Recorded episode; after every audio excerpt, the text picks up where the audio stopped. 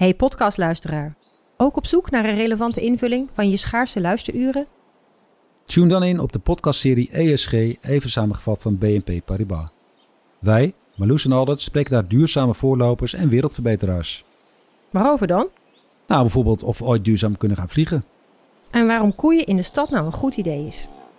Dat en meer elke twee weken in een nieuwe aflevering. Dus abonneer je. ESG, even samengevat. Al 125 jaar kwaliteit voor jou thuis met Miele. Dat vieren we met jou. Ontvang nu tijdelijk een cashback tot 125 euro op veel Miele-apparatuur. Geniet van de kwaliteit van Miele. Voor perfect verzorgd wasgoed en kleding die veel langer mooi blijft. Voor een stralend schone vaat, even perfect als jouw diners. En een stofvrij thuis waarin echt hygiënisch schoon de standaard is. Check miele.nl voor alle feestelijke aanbiedingen. Vanaf de redactie van NRC het verhaal van vandaag. Mijn naam is Thomas Ruip.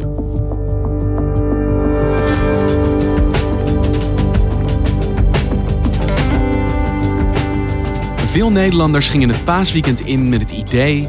nog even geduld, maar een uitweg uit de coronacrisis komt in zicht. Het kabinet formuleerde vijf criteria... waarna een nieuw normaal zou kunnen aanbreken. Maar precies dat afvinklijstje zet chef wetenschap Lucas Brouwers aan het denken. Want duurt dit niet simpelweg te lang?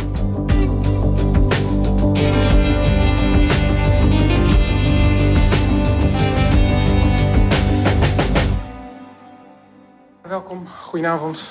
Het woord allereerst aan de minister-president. Goedenavond. Zoals u waarschijnlijk al verwachtte, hebben vandaag geen grote nieuwe besluiten genomen. In de persconferentie die we vorige week hoorden, zag je duidelijk een omslag. We zitten nu in de periode waarin de maatregelen hun werk moeten doen. We zijn uit de fase van crisismanagement. Er wordt nu gesproken over hoe gaan we hier uh, uiteindelijk mee verder. En er worden plannen gemaakt en die plannen worden geschetst. We zullen met elkaar moeten zoeken naar het nieuwe normaal in de anderhalve meter samenleving. Je hebt die wekelijkse persconferentie en ik merk zelf al dat ik elke dinsdag een soort opgebouwde spanning krijg van wat gaan we nu horen. En ik had het gevoel afgelopen week voor het eerst werden de maatregelen niet verzwaard. We gaan nog even door. Ik bedoel, ze zijn ook niet weg, maar het lijkt positief, de teneur. Inderdaad, ik zag hetzelfde. Hè. Dus um, er werd voor het eerst werd er een, een horizon geschetst van hoe gaat dat eruit zien. En uh, vorige week hebben wij eigenlijk een soort spoorboekje gekregen over ja, hoe onze eerste weg naar de uitgang eruit begint te zien. Ja, de beloftevolle groene gloed van het bordje uitweg uh, zag ik al in de verte glinsteren. Ja, we hebben een, een soort afvinklijstje gekregen hè, voor versoepeling van de eerste maatregelen, zou je kunnen zeggen. En wat erin staat is heel duidelijk. Als ik het globaal het lijstje afloop, dan moet de epidemie uitdoven.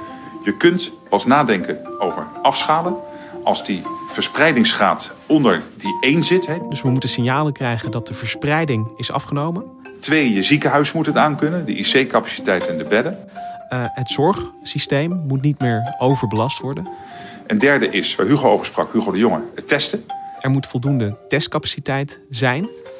Uh, daarnaast moet je ervoor zorgen dat je bron- en contactopsporing kunt doen. Ja, dus het, het uh, track and tracen van zieke mensen moet eigenlijk georganiseerd worden. Je moet ook kunnen meten, zegt het OMT-advies, wat de effecten zijn. Ja, dus, dus in hoeverre ja, mensen al immuun zijn, de ziekte al gehad hebben of niet. Want daar hebben we nu nog een heel beperkt zicht op. Dus dat zijn eigenlijk vijf dingen die moeten gebeuren voordat het OMT zegt. En dan kunnen we gaan nadenken over afschalen of een overgang in ieder geval naar soepelere maatregelen. Ja, vijf glasheldere doelstellingen. Dat vind ik nou optimistisch klinken. Fijn, dat is haalbaar. Het is fijn dat we in ieder geval weten wat er op de korte termijn uh, moet gebeuren. Uh, wat we willen en waar we naartoe moeten. Maar aan de andere kant zijn die uitdagingen logistiek zo ingewikkeld en praktisch nog, nog zo ver weg. Uh, dat het ook wel een beetje deprimerend is als je ja, ziet welke uitdagingen er nog voor ons staat. Dus dat moet allemaal uh, eerst gebeurd zijn. Dus je kijkt toch net iets anders naar die televisie dan ik? Ja, ik heb er net iets anders naar gekeken, ja. Want we hebben nu een soort vijf doelstellingen en als we die afgevinkt hebben, dan kunnen we eruit. En het eerste wat je dus noemt is die R, de besmettingsgraad. Hoeveel mensen steek je gemiddeld aan? Hoe gaat het daar nu mee? die maat die daarvoor is. Hij heeft op een gegeven moment op twee of drie wel gestaan. Hij, hij zit nu op één of net onder één, denken we. Het is moeilijk om daar echt een vinger achter te krijgen. Want die R die moet je schatten op basis van ziekenhuisopnames bijvoorbeeld. Dan probeer je daaruit af te leiden, oké, hoe snel verloopt de verspreiding eigenlijk onder de bevolking. En we, we hebben de, de R nu wel naar beneden gebracht. Maar dat moeten we op een of andere manier ook zien vol te houden straks als we toch eh, ja, weer dingen gaan opstarten misschien. Dus het is ook niet iets wat je permanent van je lijstje af kan strepen. Het moet geruime tijd onder de 1 liggen. En wat geruime tijd dan precies is, dat is ook niet uh, gedefinieerd. Ik bedoel, we hebben de, de maatschappij bijna volledig stilgelegd om de R zo laag te krijgen. Uh, maar hoe gaat zich die straks ontwikkelen? Als er bijvoorbeeld wel scholen open gaan, als de kappers weer wel mensen gaan knippen. En het tweede punt was het zorgsysteem. Ik kreeg er ook voorzichtig positieve gevoelens bij. Want de cijfers laten nu voorzichtig zien dat het allemaal niet voor niets is. Het aantal besmettingen, het aantal ziekenhuisopnamen en dus het aantal mensen op de intensive care afdelingen, die stijgen minder snel, die aantallen. We zijn gewaarschuwd voor een piek, voor situaties waarin de IC's overbelast zijn, dat er mensen moeten worden geweigerd. Nou, dat lijken we niet te hebben bereikt. Er zijn genoeg bedden. Inderdaad. We lijken niet het maximum aantal bedden dat nu is, uh, bij is gecreëerd uh, nodig te hebben. En als je dat ziet als een, als een golf, als, als de curve, dan lijken we die inderdaad net plat te hebben geslagen. Wat intensive cares betreft. En dat is wat we altijd riepen. Flatten the curve, dat hebben we dus gedaan. Dat is dus aan het gebeuren, inderdaad. Maar vergeet niet dat de intensive care dus nu draait op 200% van wat het normaal doet hier in Nederland. En we hebben eigenlijk zorg opgegeten van, van andere plekken. Er zijn operatiekamers ingericht als intensive cares. En dat is niet de normale situatie. Dus de vraag gaat ook zijn van ja, wil je die overcapaciteit, wil je die een beetje houden voor als de epidemie weer uh, opwakkert? Of wil je echt terug naar de normale situatie? Ja, dat zijn allemaal vragen die, die straks, hè, als het acute werk geleverd is, uh, die ook weer voor ons liggen. Dus dat punt eigenlijk op de horizon waarin gezegd wordt, we moeten terug naar een moment dat de zorg weer enigszins genormaliseerd is. Hoe ver zijn we daar dan nu van verwijderd? Ik denk dat het nog een, een paar maanden gaat duren. We blijven inzetten op het verruimen van testcapaciteit. Het beter kunnen opsporen van besmettingen kan helpen om een nieuwe opleving van de uitbraak te voorkomen. En punt 3, de testcapaciteit, wat misschien wel het meest besproken en becommentarieerde onderwerp is op dit moment. Hoe gaat het dan daarmee? Want die moet voldoende zijn. En ik hoor, we gaan uitbreiden, er komen meer testen beschikbaar. Het wordt beter. Ja, en dat betekent dat ook nu uh, zorgmedewerkers die niet in uh, ziekenhuizen werken getest kunnen gaan worden. Ook patiënten die niet in ziekenhuis liggen kunnen nu meer getest gaan worden. Dus dat is iets wat we deze tijd uh, gaan zien. Um, je kunt je voorstellen dat als je patiënten thuis hebt zitten nu met, met verkoudheidsklachten dat je bijvoorbeeld zegt, daarvan willen we eigenlijk ook wel weten of deze persoon COVID-19 heeft of niet. Zodat we die persoon intensiever kunnen blijven volgen. Maar het wordt dus nu helder als doel gesteld. De testcapaciteit moet op orde zijn. Wanneer is dat punt bereikt? Wanneer is het genoeg? Ik denk niet dat we in een situatie willen waarin we om de week de hele Nederlandse bevolking getest willen hebben. Want dat, dat vreet aan je uh, infrastructuur. En dat is heel erg lastig om te organiseren. Maar dat we nog iets ruimer willen dan de verruiming die we nu gehad hebben. Ik denk dat dat wel zinnig kan zijn. Maar dit lijkt van het lijstje een van de meer haalbare punten op korte termijn. Ja, omdat die testen, we weten hoe die werken. De laboratoria die draaien. Aan de andere kant, die productiecapaciteit is ook niet van de een op de andere dag verhoogd. Dus dat, dat blijft ook daar nog een factor in. Die schaarste die, die blijft voorlopig nog even.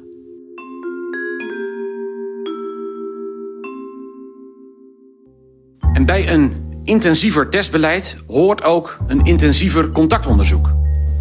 En we zien dat technologie daarbij behulpzaam kan zijn. En we denken daarbij aan twee mogelijke apps. En het volgende punt vind ik zelf het minst makkelijk te begrijpen. En dat is eh, de bron- en contactopsporing. Een doelstelling waarin je dus altijd kan herleiden van wie iemand het virus krijgt. Zie ik dat goed?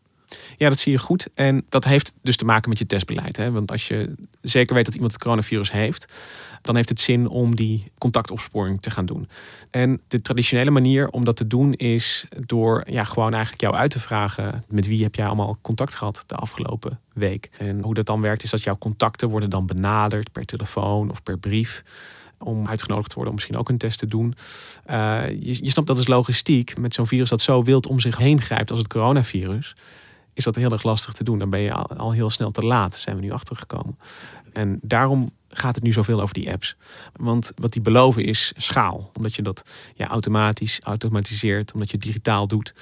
Dus het is wel duidelijk dat als je het virus bij wil blijven benen, dat je naar dat soort automatisering moet. Dus de volgende vraag, hoe ga je dat doen? Er zijn verschillende ideeën over. Uh, dus je zou een app kunnen maken die gebruik maakt van Bluetooth en ziet dat wij in de buurt bij elkaar zijn geweest. Dan zou je bijvoorbeeld, uh, zodra jij positief getest bent, zou ik een berichtje kunnen krijgen. hey, je bent onlangs in contact geweest met uh, iemand die positief getest is op het coronavirus. Wil je alsjeblieft twee weken thuis blijven vanaf nu? En je krijgt het verzoek om een tweede app te gebruiken waarmee je makkelijk contact kunt houden met een dokter in de buurt. Maar ja, dat is nog pure theorie eigenlijk. We bedenken hier een app eigenlijk ter plekke in de studio. Want die apps zijn er nog niet. Die ideeën zijn er wel. Er zijn appbouwers zijn aan de slag gegaan. Maar we weten nog niet welke app we gaan gebruiken en hoe die eruit gaat zien. En je zag ook gelijk dat riep allerlei vragen op bij journalisten. Dan inderdaad even over die apps, meneer de Jonge. Want wie kan daar allemaal in meekijken? En op, de, op wanneer moet dit allemaal gaan gebeuren? Welke instanties kunnen dan bij die data? Wordt het gebruik van die apps wordt dat verplicht? Maar ook bij Tweede Kamerleden. Ik heb één vraag aan eh, de VVD over uh, al dan niet het inzetten van apps. Als je de anonimiteit niet kan garanderen, ja, dan, dan is het dus gewoon geen optie. Hoe staat de VVD daarin? Kan de minister dan verzekeren dat hij de juiste voorwaarden aan deze technologieën stelt? Ook voor GroenLinks is het ontzettend belangrijk dat privacy eh, gewaarborgd is als we apps gaan inzetten in een bredere aanpak. Dus ik denk dat je echt zag dat deze discussie nu op een vroeg moment wordt aangezwengeld. Dus we die discussie in ieder geval gevoerd worden eh, met z'n allen over wat dat betekent voor onze privacy en uh, ja, vrijwilligheid in, in dit soort uh, ziekteopsporing. En vergeet ook niet dat dit een, een automatiseringsvraagstuk is. Want GGD's zullen straks deze informatie moeten gaan gebruiken om dus dat contactonderzoek dat ze nu zeg maar, in de analoge wereld doen, digitaal te doen. Dus ook maar de vraag of een, ja, hoe behendig een overheid daarmee is met dat soort informatie. Dat zal ook niet super makkelijk worden. Dus het is ook niet, een, een app is ook niet een, een soort toveroplossing. Hey, en dan komen we aan op punt 5, de meetinstrumenten. Er moeten voldoende meetinstrumenten beschikbaar zijn. Hoe moet ik dat nou zien? In verhouding ook met bijvoorbeeld testcapaciteit? Ja, dan moet je meer denken aan bloedtesten. En de testen waar we het net over hadden, dat waren de testen of er virus in je keel zit, of in je neus of in je longen. Um, in het bloed kun je zien of iemand het verleden het virus uh, heeft gehad. En daarmee kun je dus tegelijkertijd het verloop van de epidemie volgen. Je kunt straks bijvoorbeeld zien dat in Noord-Brabant eh, misschien 10% van de mensen het virus al gehad heeft. En je kan daar misschien ook en dat is nog een stapje verder, beleid op maken. Dat als je een zorgmedewerker bent die het virus heeft gehad het afgelopen jaar en nu immuun is, dan is dat iemand die je ja, met minder zorgen een verpleegtehuis of een ziekenhuis in kan sturen dan een, een zorgmedewerker die dat nog niet heeft gehad. Het is een soort controlemechanisme. Ja, aan de ene kant wel. En, en dat hoorde je Hugo de Jonge heel, ook heel duidelijk zeggen. We gaan dit op ja, het niveau van, de bevolking willen we dit, dit gaan inzetten. En die toepassingen voor het individu. Hè, dus dat jij straks getest wordt. En dan wordt gezegd, Thomas, jij bent nu uh, immuun. Dus jij mag uh, gewoon uh, naar je werk. En iemand anders die die test niet heeft gedaan, die moet maar thuis blijven. Dat is nog veel verder weg. En dat heeft ermee te maken omdat die tests nooit 100% goede uitslagen geven. Want op dit moment zijn die testen dus nog niet zo gevoelig en niet zo specifiek dat ze dit al goed kunnen doen. Dus we hebben het over dat eerste doel, over het volgen van de epidemie. Weet je, dat controleren of alles wat we doen zin heeft. Om te kijken of er misschien al iets van groepsimmuniteit aan het ontstaan is. Dat zou je kunnen doen uh, op basis van zo'n bloedtest. Want ik hoor aan de ene kant hoor ik de overheid nog steeds spreken over groepsimmuniteit. Hoor ik uh, bloedbank inderdaad die gaan controleren van wie er immuun is. Uh, laten we zoeken naar antistoffen. Aan de andere kant bereikt mij steeds meer berichtgeving waarin er getwijfeld wordt aan of immuniteit eigenlijk wel bestaat. Dus hoe verhoudt dat zich tot die doelstelling die er tegelijk wordt gesteld? Dat is een hele goede vraag. In hoeverre die immuniteit ontstaat, bij welke mensen en hoe lang die immuniteit bestaat, dat zijn ook allemaal nog open vragen. Tegen andere coronavirussen weten we wel dat er immuniteit ontstaat, maar dat die ook niet jarenlang aanhoudt. Weet je, dus dat zijn allemaal complicerende factoren eigenlijk, waarbij je dus niet er voetstoots van uit kan gaan dat die immuniteit gaat ontstaan en dat de bevolking immuun wordt. Want is het zo dat daar steeds zorgelijkere wetenschappelijke berichten over komen, dat dat misschien niet zo duidelijk gaat zijn? Of zie ik dat verkeerd? het is niet zo dat het, uh, dat het beeld aan het kantelen is of dat het zorgwekkender wordt. Maar inmiddels is wel bijvoorbeeld wel duidelijk geworden dat mensen die milde klachten hebben gehad, dat zijn de eerste resultaten, die bouwen ook maar matige immuniteit op. En dus in, in hoeverre dat de, de hele dynamiek in de rekensom verandert, dat is ook iets waar we nog achter moeten zien te komen. Maar als we dus nu teruggaan naar punt 5 op het wensenlijstje van de overheid, namelijk het kunnen meten van antistoffen onder meer, dan weten we dus eigenlijk nog niet helemaal precies wat we aan die informatie hebben. Maar het is wel belangrijk om hem te verzamelen. Zeker. En ik denk dat je de komende tijd mag je je borst nat maken voor veel verwarrende berichten hierover. Maar op een gegeven moment gaat het beeld duidelijker worden. En dan weten we hoeveel mensen het al gehad hebben.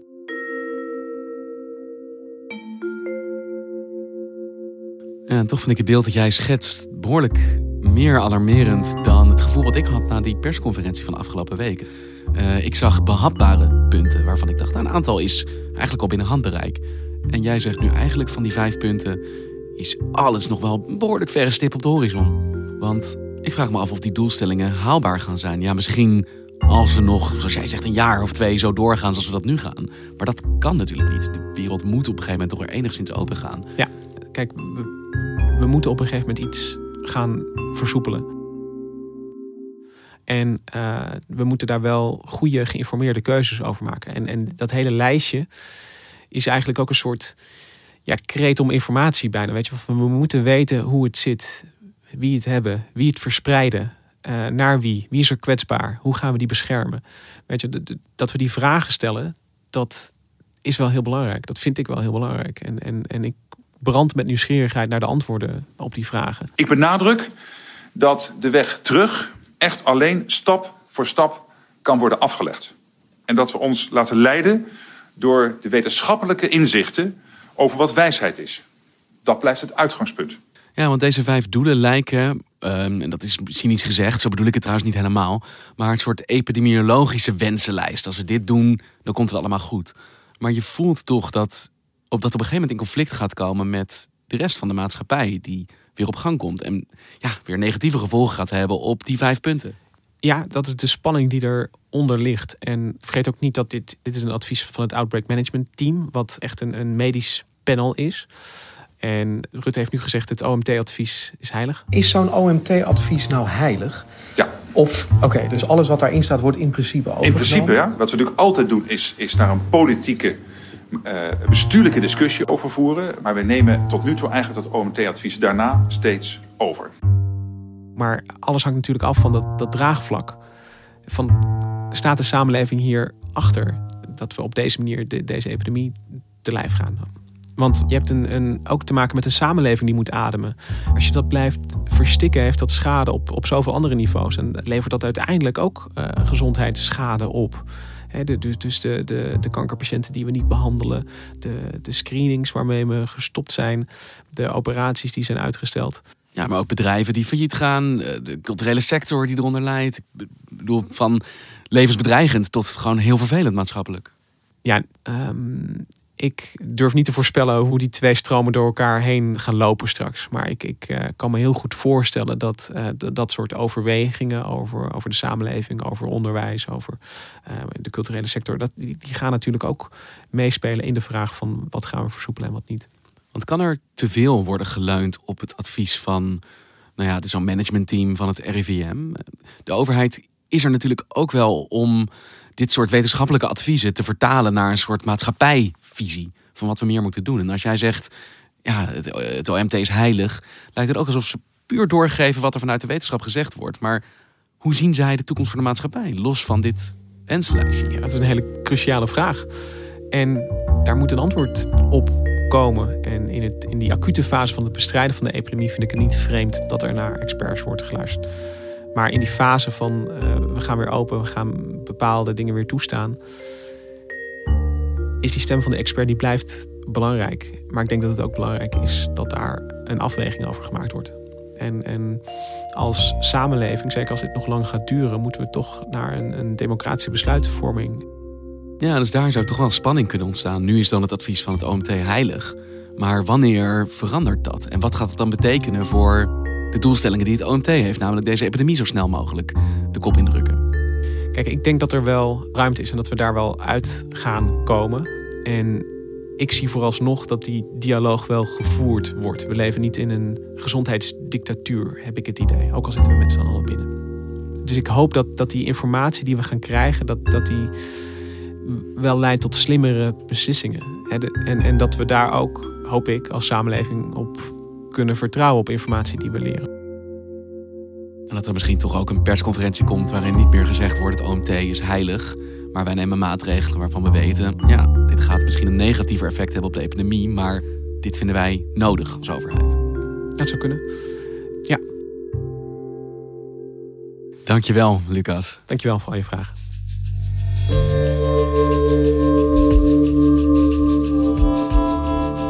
Je luisterde naar vandaag, een podcast van NRC. Eén verhaal, elke dag. We leven in hectische tijden.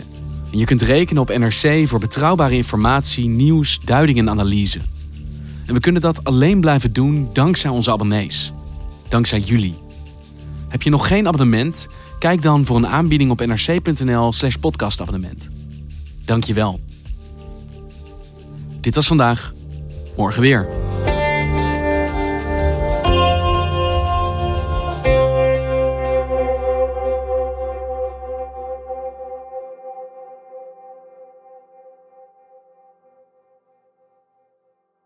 Technologie lijkt tegenwoordig het antwoord op iedere uitdaging. Bij PwC zien we dit anders. Als we de potentie van technologie willen benutten, kunnen we niet zonder een menselijk perspectief. Human-led, tech-powered noemen we dat. Ga naar pwc.nl.